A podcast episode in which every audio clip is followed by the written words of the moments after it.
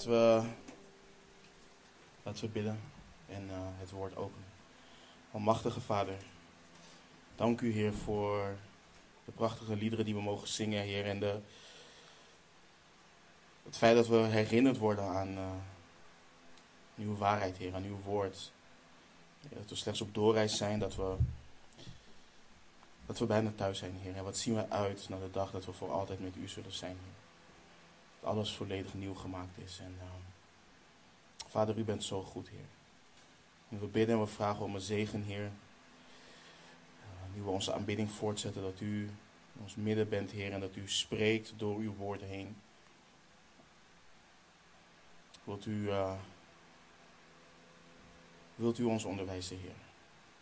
In Jezus' naam. Amen. Broeders en zusters, weten hoe te wandelen als christen begint met te weten in wie je wandelt. En wanneer je weet in wie je wandelt, weet je ook waarom je dient te wandelen op de wijze waarop God dat geboden heeft. Het begint met te weten in wie je wandelt. We hebben het net gelezen, Johannes 4. En in Johannes 4 vraagt een Samaritaan. Volgende week gaan we daar wat verder uh, gaan we dat gedeelte lezen. Maar in Johannes 4 vraagt uh, een Samaritaanse vrouw de Heer Jezus op welke berg ze dienen te aanbidden. Waar vindt ware aanbidding plaats? Wat is welbehagelijk in de ogen van de Heere God?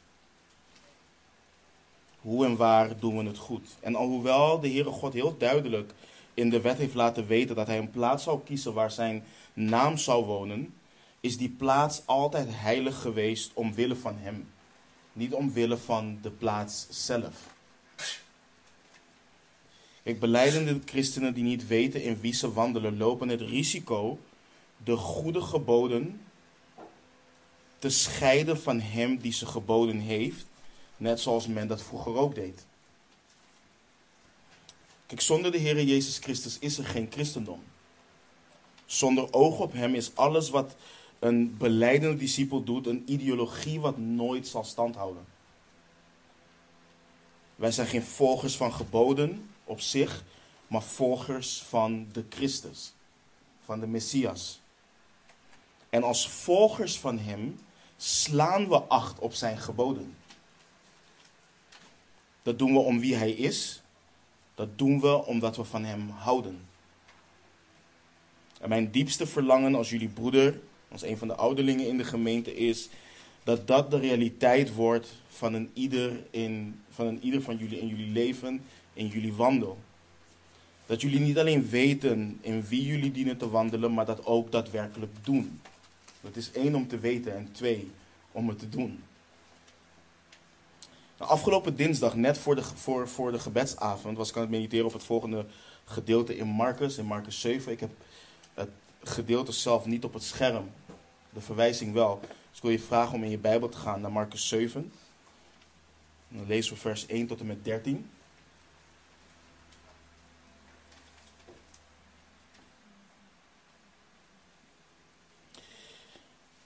Dan lezen we daar het volgende. En bij hem, dus bij de Heer Jezus, verzamelden zich de fariseeën en sommigen van de schriftgeleerden die uit Jeruzalem gekomen waren. En toen zij zagen dat sommige van zijn discipelen met onreine, dat is met ongewaste handen, brood aten, berispten ze, hij, berispten ze zij hen. Want de fariseeën en alle joden eten niet als zij niet eerst grondig de handen gewassen hebben, omdat zij zich houden aan de overlevering van de ouden. En als zij van de markt komen, eten zij niet als zij zich niet eerst gewassen hebben. En vele andere dingen zijn er die zij aangenomen hebben om zich eraan te houden, zoals het wassen van de drinkbekers en kannen en het koperen vaatwerk en bedden. Daarna vroegen de fariseeën en de schriftgeleerden hem, waarom wandelen uw discipelen niet volgens de overlevering van de ouden, maar eten zij het brood met ongewassen handen? Maar hij antwoordde, antwoordde hun, terecht heeft Jesaja over u, huigelaars, geprofeteerd, zoals er geschreven staat. Dit volk eert mij met de lippen, maar hun hart houdt zich ver bij mij vandaan. Maar tevergeefs eren zij mij door leringen te onderwijzen die geboden van mensen zijn. Want terwijl u het gebod van God nalaat, houdt u zich aan de overlevering van de mensen, zoals het wassen van kannen en bekers en veel andere dergelijke dingen doet u. En hij zei tegen hen: U stelt Gods gebod op een mooie manier terzijde om u aan uw overlevering te houden. Want Mozes heeft gezegd: Eer uw vader en uw moeder, en wie vader of moeder vervloekt, die moet zeker sterven. Maar u zegt: Als iemand tegen zijn vader of zijn moeder zegt: Het is korban, dat wil zeggen een gave, wat hij van mij had kunnen krijgen, is het met hem in orde. En u laat hem niet meer toe iets voor zijn vader of zijn moeder te doen. En zo maakt u Gods woord krachteloos door uw overlevering die u overgeleverd hebt. En veel van dergelijke dingen doet u. Ik heb hem trouwens niet op het scherm, maar ik wil jullie ook nog e- vragen om in je Bijbel naar Lucas 11 te gaan. Ik heb ook de verwijzing niet op het scherm.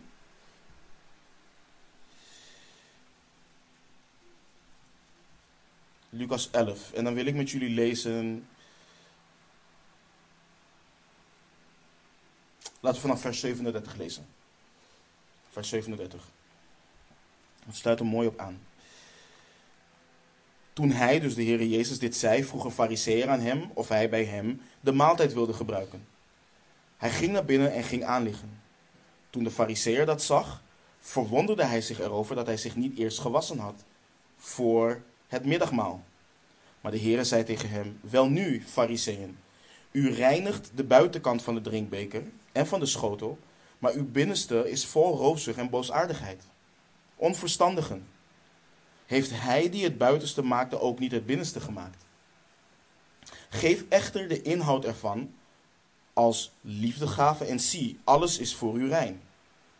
Maar wee u, Fariseeën, want u geeft tiende van de munt en de wijnruit en van alle kruiden, maar u gaat voorbij aan het recht en aan de liefde van God. Deze dingen zal men moeten doen en die andere dingen niet nalaten. Wee u, fariseeën, want u hebt de voorste plaatsen in de synagogen en de begroetingen op de markt lief. Op de markten lief. Wee u, schriftgeleerden en fariseeën, huigelaars, want u bent net als de graven die niet zichtbaar zijn. De mensen die erover lopen weten het niet. Een van de wetgeleerden antwoordde en zei tegen hem: Meester, wanneer u deze dingen zegt, behandelt u ons ook smadelijk. Maar hij zei: Wee ook u, wetgeleerden, want u legt de mensen lasten op die moeilijk zijn om te dragen, en zelf raakt u die lasten niet met één van uw vingers aan. Wee u, want u bouwt de grafmonumenten um, voor de profeten, maar uw vaderen hebben hen gedood. U getuigt dus dat u van harte instemt met de daden van uw vaderen, want zij hebben hen gedood en u bouwt hun grafmonumenten. Tot zover. Nou zijn dit teksten waar je weken in kunt zitten. Maar ik wil even met jullie naar het volgende kijken. Vanaf de derde eeuw voor Christus en dit staat gewoon in de overleveringen van de Joden, stond het eten met ongewassen handen, stond gelijk aan het slapen, het gemeenschap hebben met een prostituee. Dus denk, denk daaraan. Denk daarover na. Dit staat niet in de wet. Mozes heeft hen dit niet geleerd. Het zijn, net zoals de Heer Jezus zegt, hun overlevering. Het is net als zij zelf zeggen, de overleveringen van de ouden. Nu kun je zeggen, ja, maar er is niets mis met tradities. En in de basis is er ook niets mis met tradities. Culturen hebben tradities en daar is niets mis mee in de basis. Wanneer wordt het een probleem? Wanneer het een religieus dogma wordt. Dan wordt het een probleem. Wanneer het een manier wordt van zelfrechtvaardiging, wanneer het in de naam van God gedaan wordt. Wanneer het een juk is wat je anderen oplegt, waardoor ze vroom en religieus en rechtvaardig zijn. En dat is een, dat is een waar probleem waar de mens tegenaan loopt. De mens, of ze de God van Israël nou erkennen als de waarachtige God of niet, de mens heeft het probleem dat het altijd neigt om zelf te bepalen waardoor ze rechtvaardig staan voor God. Welke God dat dan ook is voor hun. De schrift leert ons echter dat de mens die niet tot God komt door zijn zoon in duisternis wandelt. De persoon leeft in duisternis of is dood in duisternis. Die persoon weet niet waar hij heen gaat. Die persoon is verblind en dat geldt voor de hele wereld. Het gaat voor iedereen. Nou, zo'n 2000 jaar geleden riep de Heer Jezus het volgende. En deze tekst is waar we ons op gaan richten vandaag. En jullie weten dat we de komende weken, de zevende weken, de Ik Ben uitspraken van de Heer Jezus bestuderen en toepassen. En vandaag wil ik jullie aandacht richten op wat de Heer Jezus zegt in Johannes 8. Vorige week hebben we stilgestaan bij wat er in Johannes 6,35 staat. De Heer Jezus zei tegen de menigte: Ik ben het brood des levens. Wie tot mij komt, zal beslist geen honger hebben. En wie in mij gelooft, zal nooit meer dorst hebben. Vandaag wil ik met jullie lezen Johannes 8, vanaf vers 12. Ik wil de rest van het hele hoofdstuk lezen. Net zoals vorige week gaan we niet door de hele tekst uh, en leggen we onze aandacht op vers 12. Maar het is goed om het hele dialoog te lezen, gewoon voor de context. Dus Johannes 8 lezen we en dan pakken we het op vanaf vers 12. Een best lang gedeelte. Jezus dan sprak opnieuw tot hen en zei: Ik ben het licht der wereld. Wie mij volgt, zal beslist niet in de duisternis wandelen, maar zal het licht van het leven hebben. De fariseeën dan zeiden tegen hem: U getuigt van uzelf.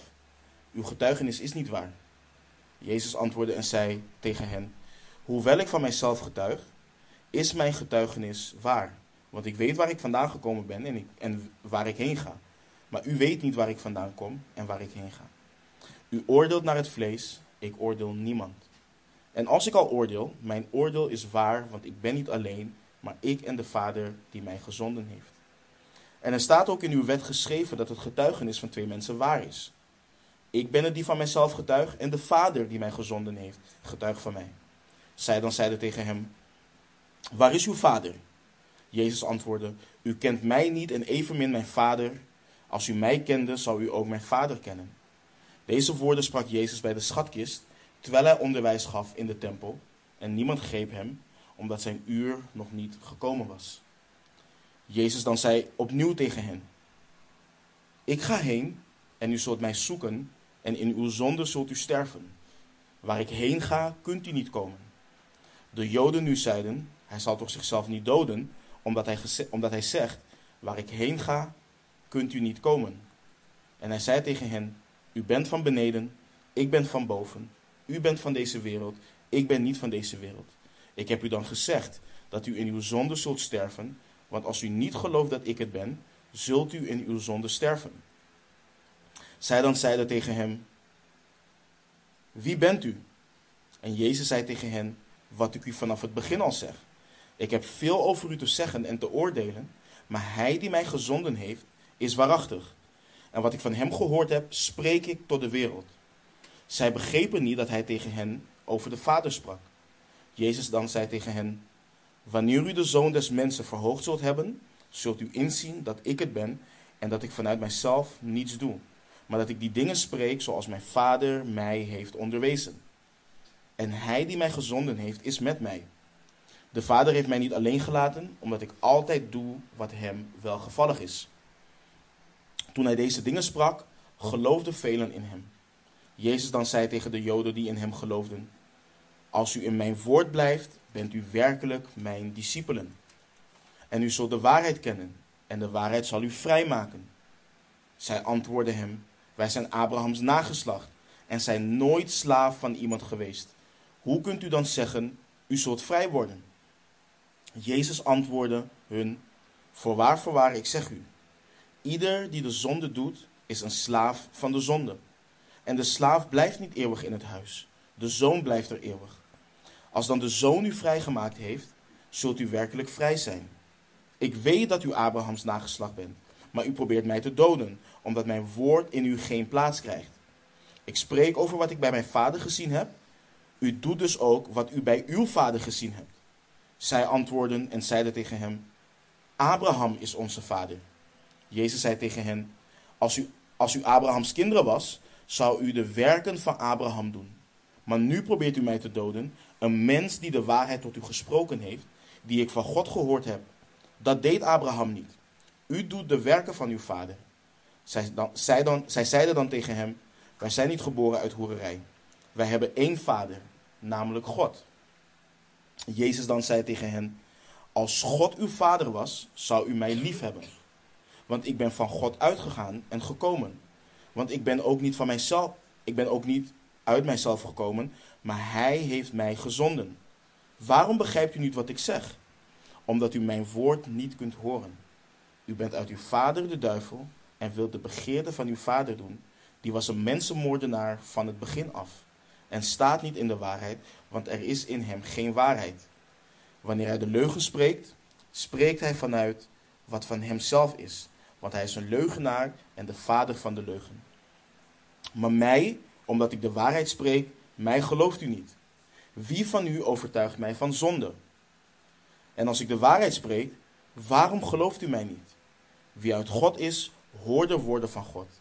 Daarom hoort u niet, omdat u niet uit God bent. De Joden dan antwoordden en zeiden tegen hem: Zeggen wij niet terecht dat u een Samaritaan bent en door een demon bezeten bent? Jezus antwoordde: Ik ben niet door een demon bezeten, maar ik eer mijn vader en u onteert mij. Maar ik zoek mijn eer niet. Eén is er die haar zoekt en die oordeelt. Voorwaar, voorwaar, ik zeg u: als iemand mijn woord in acht genomen heeft, zal hij beslist de dood niet zien tot in eeuwigheid. De Joden dan zeiden tegen hem: Nu weten wij zeker dat u door een demon bezeten bent. Abraham is gestorven en de profeten. En zegt u: Als iemand mijn woord in acht genomen heeft, zal hij beslist de dood niet proeven tot in eeuwigheid.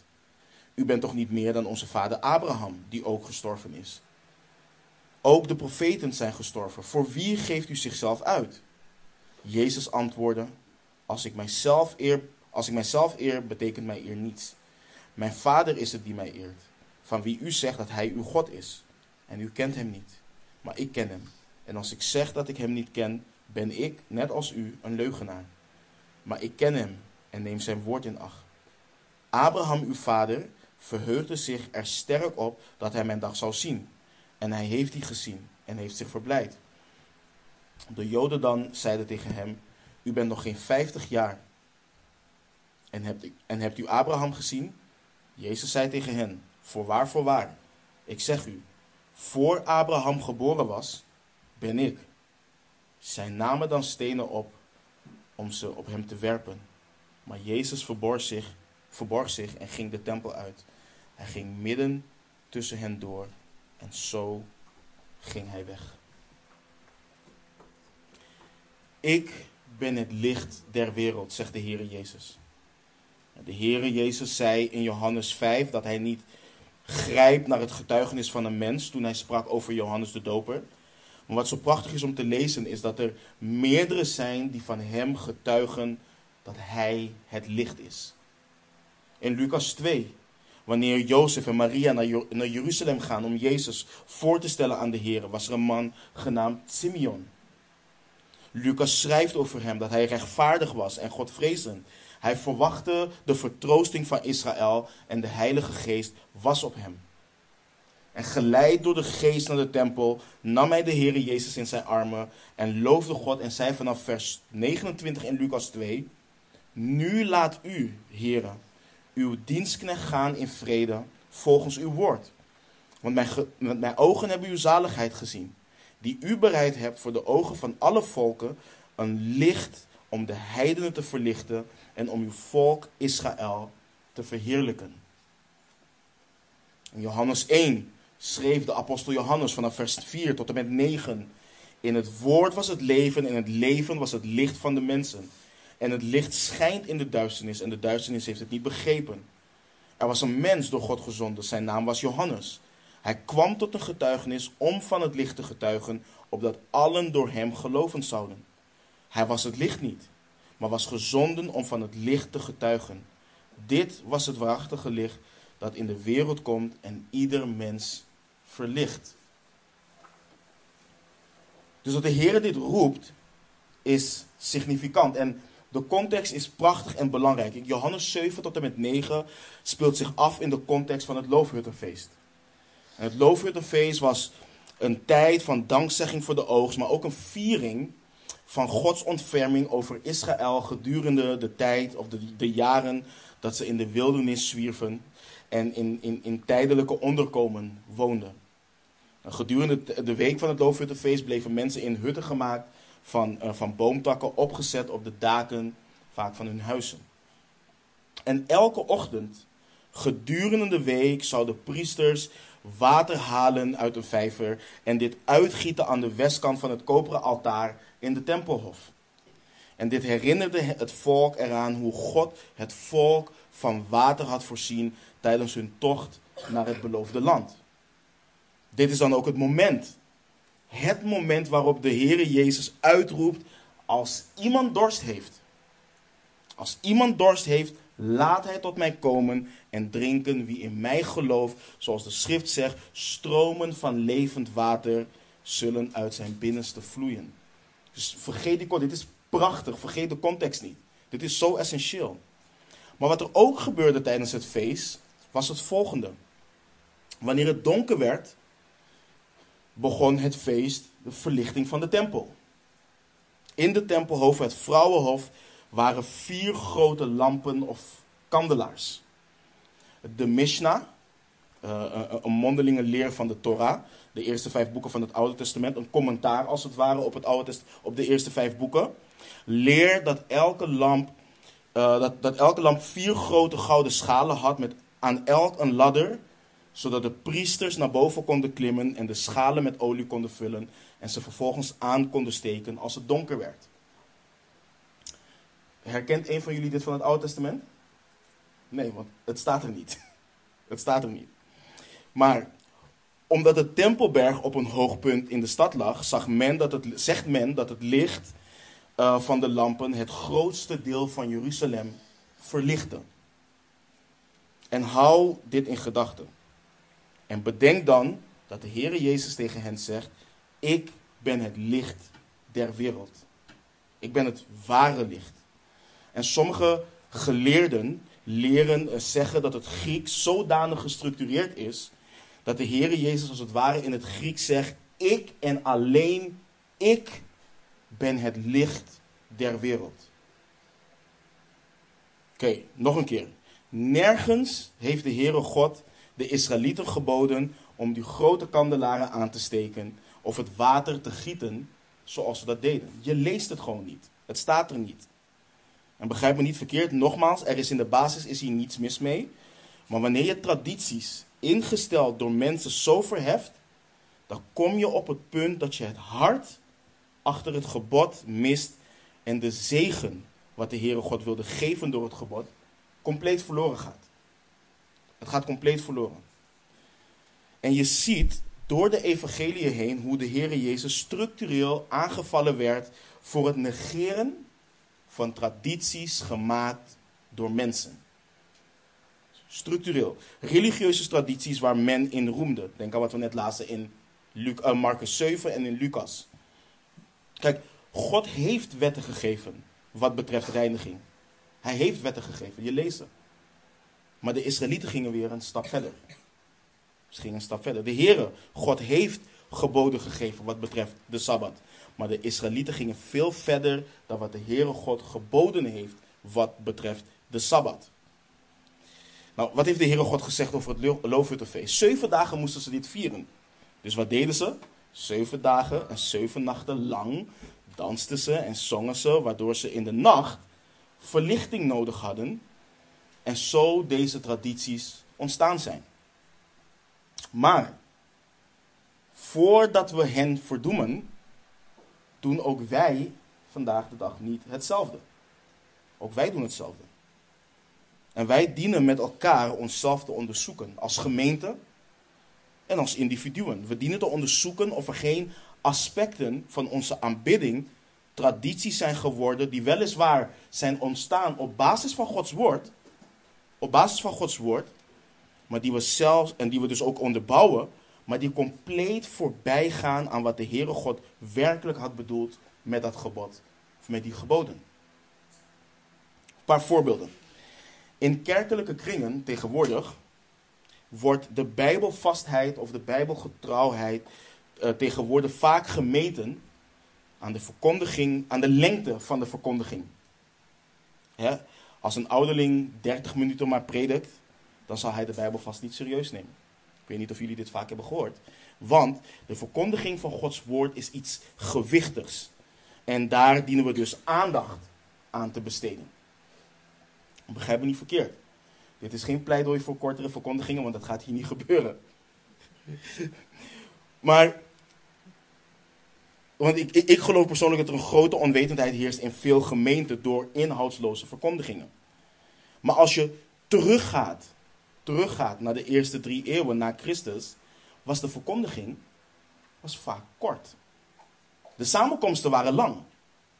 De verkondiging was vaak kort. Wat deden ze? Net zoals in de synagoge. Ze pakten een lang gedeelte uit de schrift.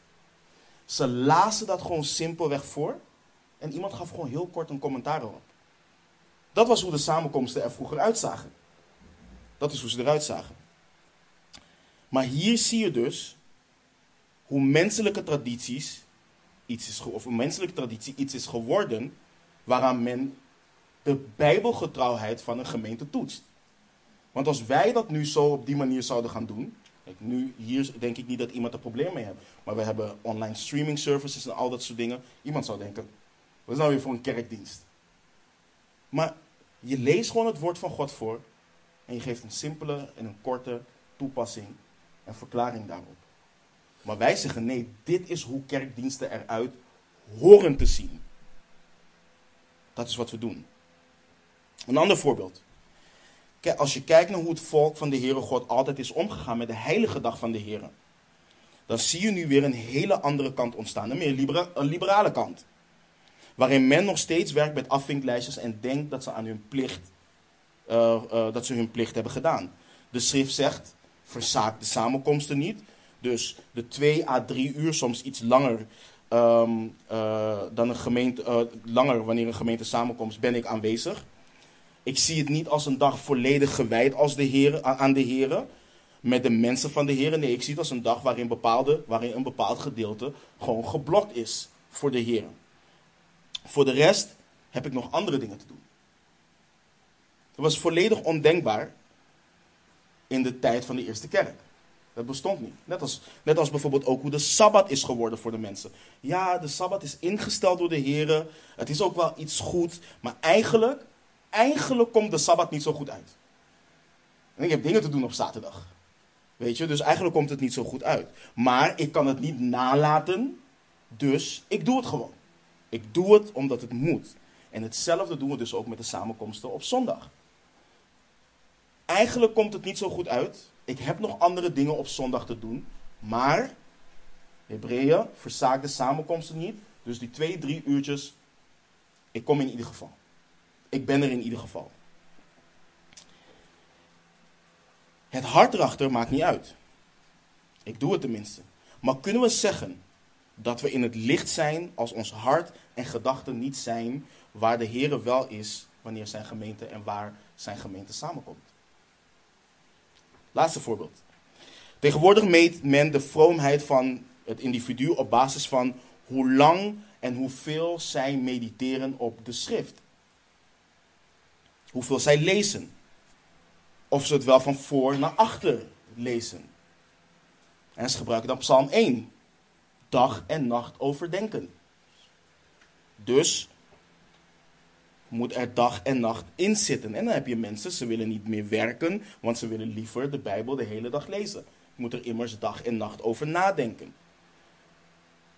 Maar waarom staat, staat dat er op die manier in Psalm 1? Nou, de manier waarop wij onze Bijbels gebundeld hebben, bestond in die tijd niet. Het bestond niet. Je had niemand, maar dan ook niemand die naar een samenkomst kwam met een bundeling van Genesis tot Malachi. Niemand had dat. Dat bestond niet. Dus wat, wat gebeurde? Want als je alleen al de boekrol van Jesaja uh, zag, dan wist je al dat dat iets zwaars was om, om mee te tillen. Dat bestond niet. Dus wat had je?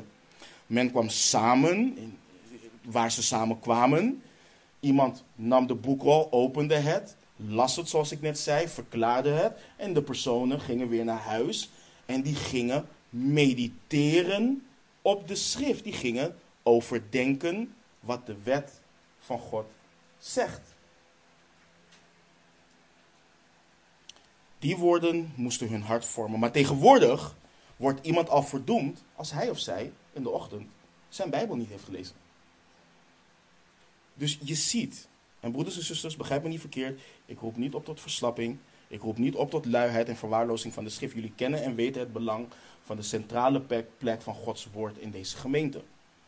Maar waar ik voor wil waken is dit: dat er tradities ontstaan, gebruiken ontstaan, waardoor we denken dat is het licht. Nu zijn we in het licht. Nu wandelen we in het licht. De Heer Jezus zegt: Ik ben het licht der wereld. Dat is wat hij zegt. In hem is het licht van het leven. Wanneer hij het licht aanbiedt, biedt hij zichzelf aan. Dat is wat hij doet. Let op, en, en, en, en let op ook, het prachtige ook, wat hij doet. Let op in Johannes 6. Hoe hij het brood is voor hen die dood zijn en dwalen, net zoals de Israëlieten die dwaalden honger hadden in de wildernis. Let op hoe hij in Johannes 7 het water is voor hen en water aanbiedt voor hen die dorst hebben, zoals de Israëlieten die dorst hadden in de wildernis. En let op hoe hij het licht is voor hen die in de duisternis zijn en het licht nodig hebben, zoals de Israëlieten dat nodig hadden in de wildernis, in de nacht. Wat wij dienen te zien en wat ik hoop dat in ieder van ons ziet, onze Heere Jezus is de volkomen, de toereikende zaligmaker van ons allen. Dat is wat hij is. Die voorziet in iedere behoefte van zijn volk, zelfs wanneer ze door een dorre woestijn reizen op weg naar het beloofde land. We zongen het net. We zijn bijna thuis. En broeders en zussen, zie in, Christus, hij is de vervulling van wat we lezen bijvoorbeeld in Psalm 27, vers 1. De Heere is mijn licht en mijn heil. Voor wie zal ik vrezen? De Heere is mijn levenskracht. Voor wie zou ik angst hebben? Hij is de vervulling van wat we lezen in Jesaja 9, vers 1. Het volk dat in duisternis wandelt, zal een groot licht zien. Zij die wonen in het land van de schaduw van de dood, over hen zal een licht schijnen. Matthäus bevestigt dit ook in Matthäus 4. En net als de mens niet kan leven zonder brood, niet kan leven zonder water, kan de mens niet leven zonder licht. En nogmaals, wat ik net ook zei, het is bijzonder dat de Heere God dingen gebruikt, simpele dingen die wij kennen, als metaforen om onze noden kenbaar te maken. We hebben God nodig en Hij is naar ons toegekomen in Christus Jezus. Dat is onze absolute noden. En nu weet ik dat ik niets anders zeg met deze zin dan wat ik vorige week heb gezegd. Maar hoe vaak beamen we dit en leven we toch als iemand, als, alsof iets of iemand anders ons zal verlichten. En net als het genoegen nemen van, met kruimels, kunnen we vaak genoegen nemen met lichtstralen in plaats van het ware licht. Waarom zou je een lamp willen als je de zon hebt? Waarom zou je ergens anders op hopen als de Vader zijn zoon gezonden heeft als onze hoop? En de openbaring van onze zaligmaker in deze tekst laat ons zien dat hij gekomen is niet om te wijzen naar een licht, maar dat hij, dat God het licht is, het ware licht dat een ieder van ons nodig heeft voor het leven. En er is veel, er is veel wat zich voordoet als licht. De Satan doet zich voor als licht en dat neemt verschillende vormen aan. Kijk maar naar alle religies die we om ons heen zien, die niet wijzen naar en niet getuigen van het licht, maar het licht juist proberen te dimmen. ieder die wijst naar iets anders, naar iemand anders dan onze Heer Jezus Christus. Kijk naar al het materiële en naar alle entertainment. Kijk naar alle kennis wat ons voorgeschoteld wordt. Ook religieuze kennis. Wat verlichting belooft, maar de duisternis alleen maar doet toenemen. Wat heb je aan vijf stappen om je beste leven nu te leiden? Wat heb je aan zeven manieren om in de geest te wandelen? Je hebt er niets aan. Niets. Iemand die dood is in zonde en overtreding zal daardoor niet leven.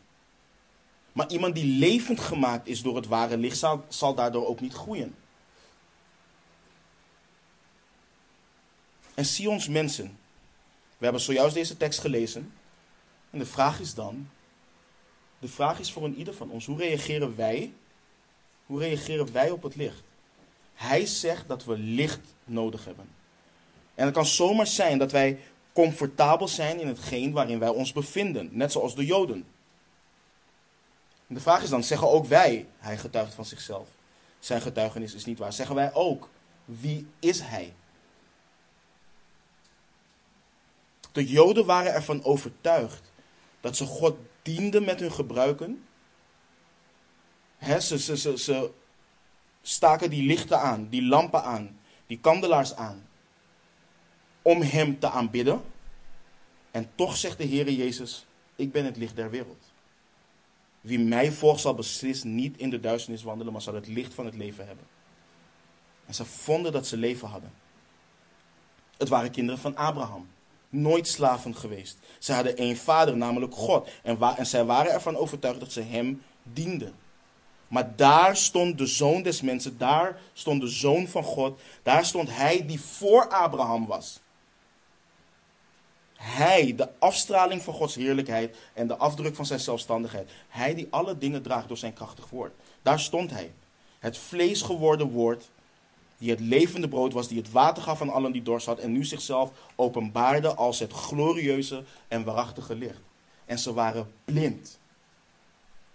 Ze waren blind. Het licht scheen zo fel, maar ze zagen niets. En wat een tragedie is het. Wat een tragedie is het als je het getuigenis hebt. Sterker nog, als je van jezelf getuigt dat je leeft, maar daadwerkelijk dood bent.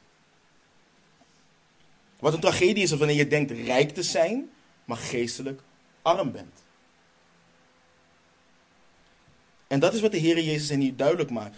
En wat zal Hij tegen jou en tegen mij zeggen vandaag? Hij spreekt het uit.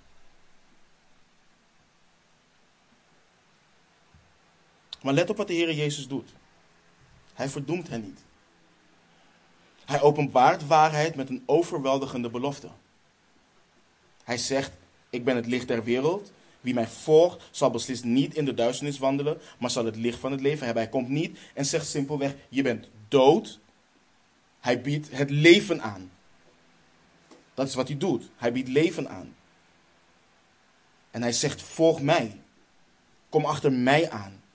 En dit spreekt van vertrouwen, want het spreekt van Hem jou laten leiden terwijl je achter Hem aangaat. Hem jouw voetstappen laten bepalen. Hem jouw denken laten vormen en bepalen. Dat is waarvan het spreekt. Het spreekt van de regie in en over jouw leven overdragen aan Hem. Niet aan de kerk, niet aan de ouderlingen van de gemeente, niet aan menselijke tradities, niet aan de wereld, maar aan Hem. Waarom niet aan de kerk en de ouderlingen van de kerk? Want zij zijn lichten die wijzen naar het ware licht. Net zoals Johannes het ware licht niet was, zijn ook wij niet het ware licht. Wij getuigen van het licht en laten ons licht zo schijnen dat mensen onze goede werken zien en onze Vader in de hemelen verheerlijken. Waarom niet aan menselijke tradities? Omdat menselijke tradities op zichzelf vroeg of laat altijd de plaats van het ware licht willen innemen. Altijd. Dat krijg je ook wanneer je heel erg bezig bent met theologie op zichzelf. De schrift bepaalt theologie, niet wij. Waarom niet de wereld? Want de wereld zelf ligt in duisternis. Hoeveel de wereld ook van zichzelf getuigt dat de wereld ontwikkelt en vooruit gaat, laat het alleen maar zien hoe groot de duisternis waarlijk is. En hoe groot de duisternis is waar de wereld in is. Dus wat moeten wij doen? Wij moeten doen wat Hebreeën 12 ons leert. En wat leert het ons? Hebreeën 12 vers 2. Dat hij de leidsman en voleinder is van ons geloof. Van het geloof. En op Hem dienen we onze ogen te richten. Ik zet het vers op het scherm en ik wil jullie ook wat laten zien. En ik pak vers 1 erbij. Voor de context, anders begint de zin heel raar. Dus vers, uh, uh, Hebreeën 12, vers 1 en 2. Wel nu dan, laten ook wij, nu wij door zo'n menigte van getuigen omringd worden, afleggen alle last en de zonde die ons zo gemakkelijk verstrikt. En laten wij met volharding de wedloop lopen die voor ons ligt. Terwijl wij het oog gericht houden op Jezus, de leidsman en voleinder van het geloof. Hij heeft om de vreugde die, in hem, die hem in het eh, vooruitzicht was gesteld, het kruis verdragen en de schande veracht en zit nu aan de rechterhand van de troon van God. Dat is wat de auteur schrijft over het oog gericht houden op Jezus. In het Grieks leert dit wegkijken van al het andere. Wegkijken van al het andere. Er zit een dubbele handeling hierin. Dus het is niet, ik kijk naar Christus en ook naar al het andere wat interessant is. Nee, het Grieks leert wegkijken van al het andere om je blik op te richten. Op één specifiek punt. En in dit geval op één iemand. Al het andere verstrikt. Dat is wat de auteur ons leert. Al het andere verstrikt. Het is wat de apostel Paulus, het is zoals hij schreef in Filippenzen 3 vanaf vers 7 tot en met 14. Wat lezen we daar?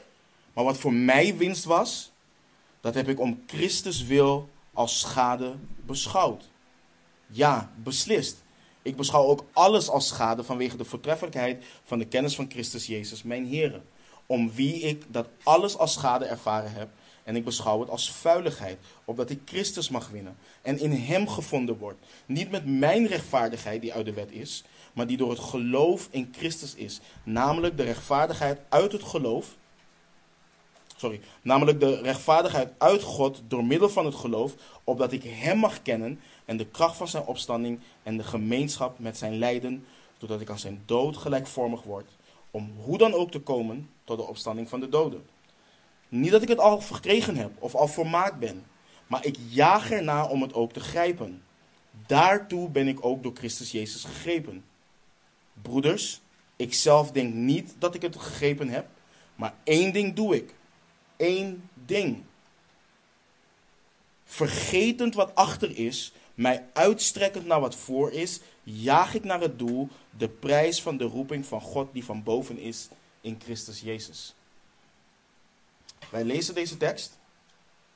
Wij denken, ja, Paulus, die man, die had het begrepen. Dat is wat ik wil. Paulus wandelde in het licht. Paulus spreekt niet over iets wat onbereikbaar is voor jou en mij. Hij spreekt niet over iets wat voor de superchristen is weggelegd. Want de superchristen bestaat niet. Er zijn maar twee mensen op deze wereld. Mensen die in het licht wandelen en mensen die in duisternis wandelen. meer dan dat is er niet. Dus als we deze teksten lezen, dan moeten we niet lezen als, oh, dit is 2000 jaar geleden en dit is een man die het zag en hij begreep het en wij niet. De vraag is, zijn wij in het licht? Dat is de vraag. Dit is een man die levend gemaakt is door het felle licht wat hem verscheen op de weg naar Damascus. En jaren later jaagt hij nog steeds om hem te grijpen. Christus roept je tot het leven. Hij roept je tot zichzelf. Dat is wat hij doet. Maar het is niet alleen dat. Want je komt niet alleen tot hem om tot leven te komen, maar ook om te wandelen in dat leven.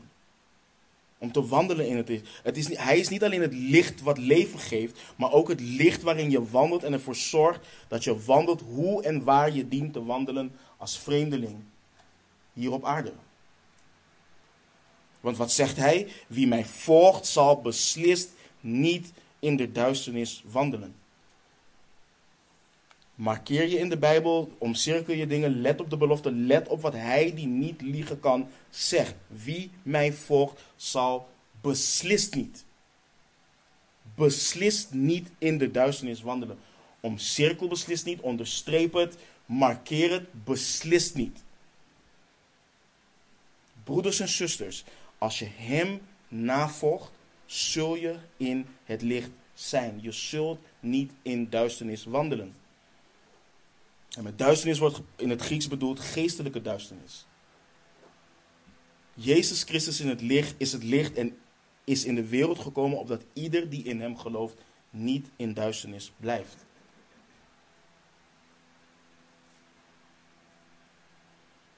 En ik weet wat we kunnen denken. Ja, weet je, Joe, kijk.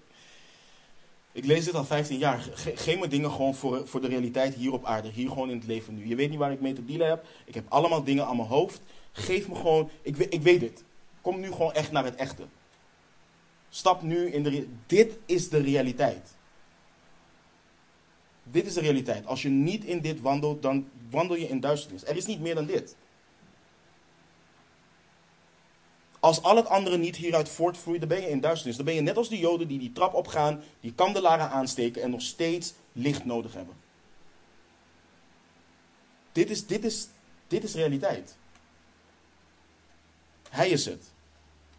En nu is het geen garantie dat zij die van de wereld zijn, hen die in het licht zijn, niet zullen vervolgen, niet zullen verdrukken, niet zullen smaden. En het is ook niet alsof zij die in het licht zijn niet meer te maken krijgen met de duisternis van deze wereld. Dat is niet wat de Heer Jezus zegt. Maar de Heer Jezus zegt wel dit. Je bent daar geen onderdeel meer van. Als je in mij bent, als je in licht wandelt, ben je geen onderdeel meer van duisternis. Je behoort daar niet meer toe. Je bent niet meer onwetend. Je bent niet verblind. Je kent de waarheid. Je leeft in en door de waarheid. En te midden van de duistere wereld waarin we leven, zal Hij, net zoals God bij de Israëlieten in de wildernis was en hen van moment tot moment leidde en droeg, ook ons als zijn discipelen leiden in deze duistere wereld en ons dragen totdat we thuis zijn. Dat is wat hij doet. Dat is wat hij belooft. Dus de vraag is: wie of wat volg je na? Waar heb je je hoop op gezet wat betreft het licht van het leven? Denk hierover na, want jouw leven, jouw leven laat zien wat het antwoord daarop is. Je hoeft mij niet te overtuigen, je hoeft anderen niet te overtuigen. Je leven getuigt ervan. We kunnen allemaal heel vroom zeggen ja, amen, nee. Jezus is het licht der wereld. Maar wat laat ons leven zien? Wat laat onze wandel zien? Wat laat ons hart zien, onze hartsverlangens? Want Paulus schrijft over hen die in Christus zijn, die Christus hebben aangenomen, in Efeze 5, vers 8 tot en met 10 het volgende. Want u was voorheen duisternis. U was voorheen duisternis, maar nu bent u licht in de Heer. Wat is de toepassing? Wandel als kinderen van het licht. Want de vrucht van de geest bestaat in alle goedheid en rechtvaardigheid en waarheid. En beproef wat de Heere wel behagelijk is.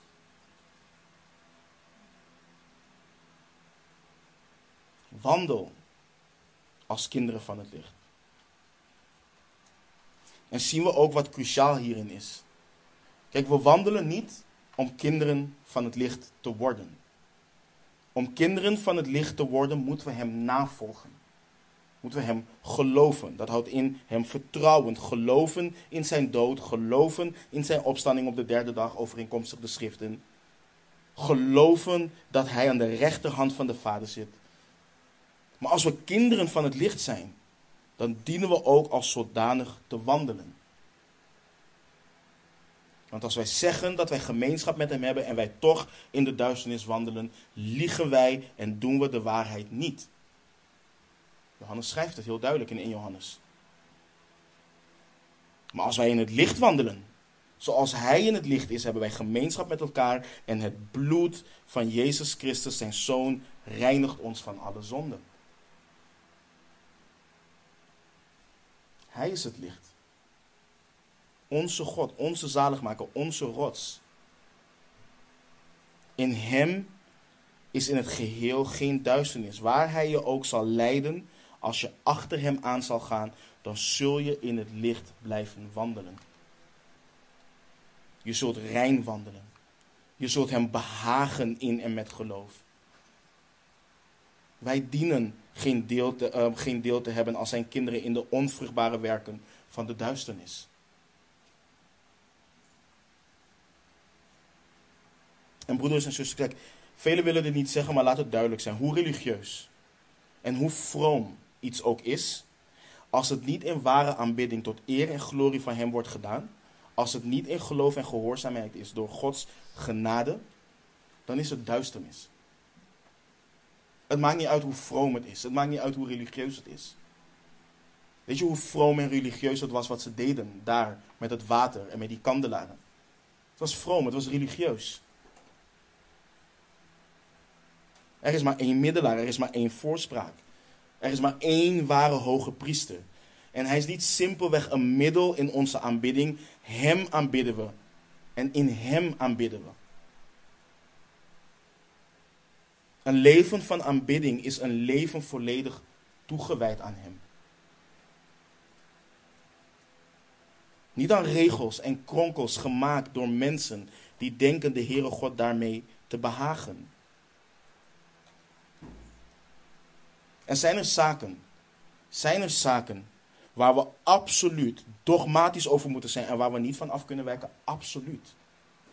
Absoluut. Er zijn dingen waar we gewoon op moeten staan. Er zijn dingen waar christenen hun leven voor hebben gegeven. Waarvoor ze niet kunnen en mogen afwijken. Die dingen zijn er en die dingen daar staan we ook in. Maar dat is tot eer en glorie van Hem. En niet omdat wij dat vinden of hebben bepaald dat het zo moet zijn. Maar omdat Hij heeft gezegd dat het zo is en zo moet blijven. Dat is waarom we het doen. Ik ben dankbaar. Want God is zo goed voor ons geweest dat Hij het niet aan ons heeft overgelaten om te bepalen wat ware religie is. Zo goed is Hij. Dat Hij het niet aan ons heeft overgelaten. In plaats daarvan heeft Hij zijn zoon gegeven, het licht der wereld. Hij heeft Hem gestuurd om ons, om jou en mij uit duisternis te trekken. En ons te leren wat aanbidding in geest en waarheid is. Dat is wat jij en ik nodig hebben. Dat is wat jij en ik nodig hebben. Dus laten we onze ogen richten op Hem. En niet de God van deze eeuw onze gedachten laten verblinden. Laten wij die oren hebben, horen hoe de Vader ons roept en trekt naar zijn Zoon om in het ware licht te wandelen en het licht van het leven te hebben. Amen. Laten we bidden. Toch korter vandaag. Vader, wat een zegen en wat een genade is het dat u ons hebt geopenbaard wat wij nodig hebben, Heer. En in alle nederigheid, met alle vrees en ook met blijdschap, Heer, komen we tot u, omdat u ons laat zien, Heer, dat wij snel kunnen afwijken. Dat wij snel kunnen vasthouden aan de dingen waarvan wij denken dat die ons zekerheid geven, dat die ons verlichten. Maar wij bidden, Vader, dat u het werk in ons doet, dat uw geest onze harten toetst en onze harten vormt, opdat wij u aanbidden in geest en waarheid. Vader, laat niemand van ons zich verheugen en, en, en zich roemen in tradities en religie gemaakt door mensen. Laat het zo zijn dat wij in het licht staan, dat wij in het licht wandelen, dat wij Christus navolgen dat we onze lichamen als offers wijden aan Hem, volledig aan Hem.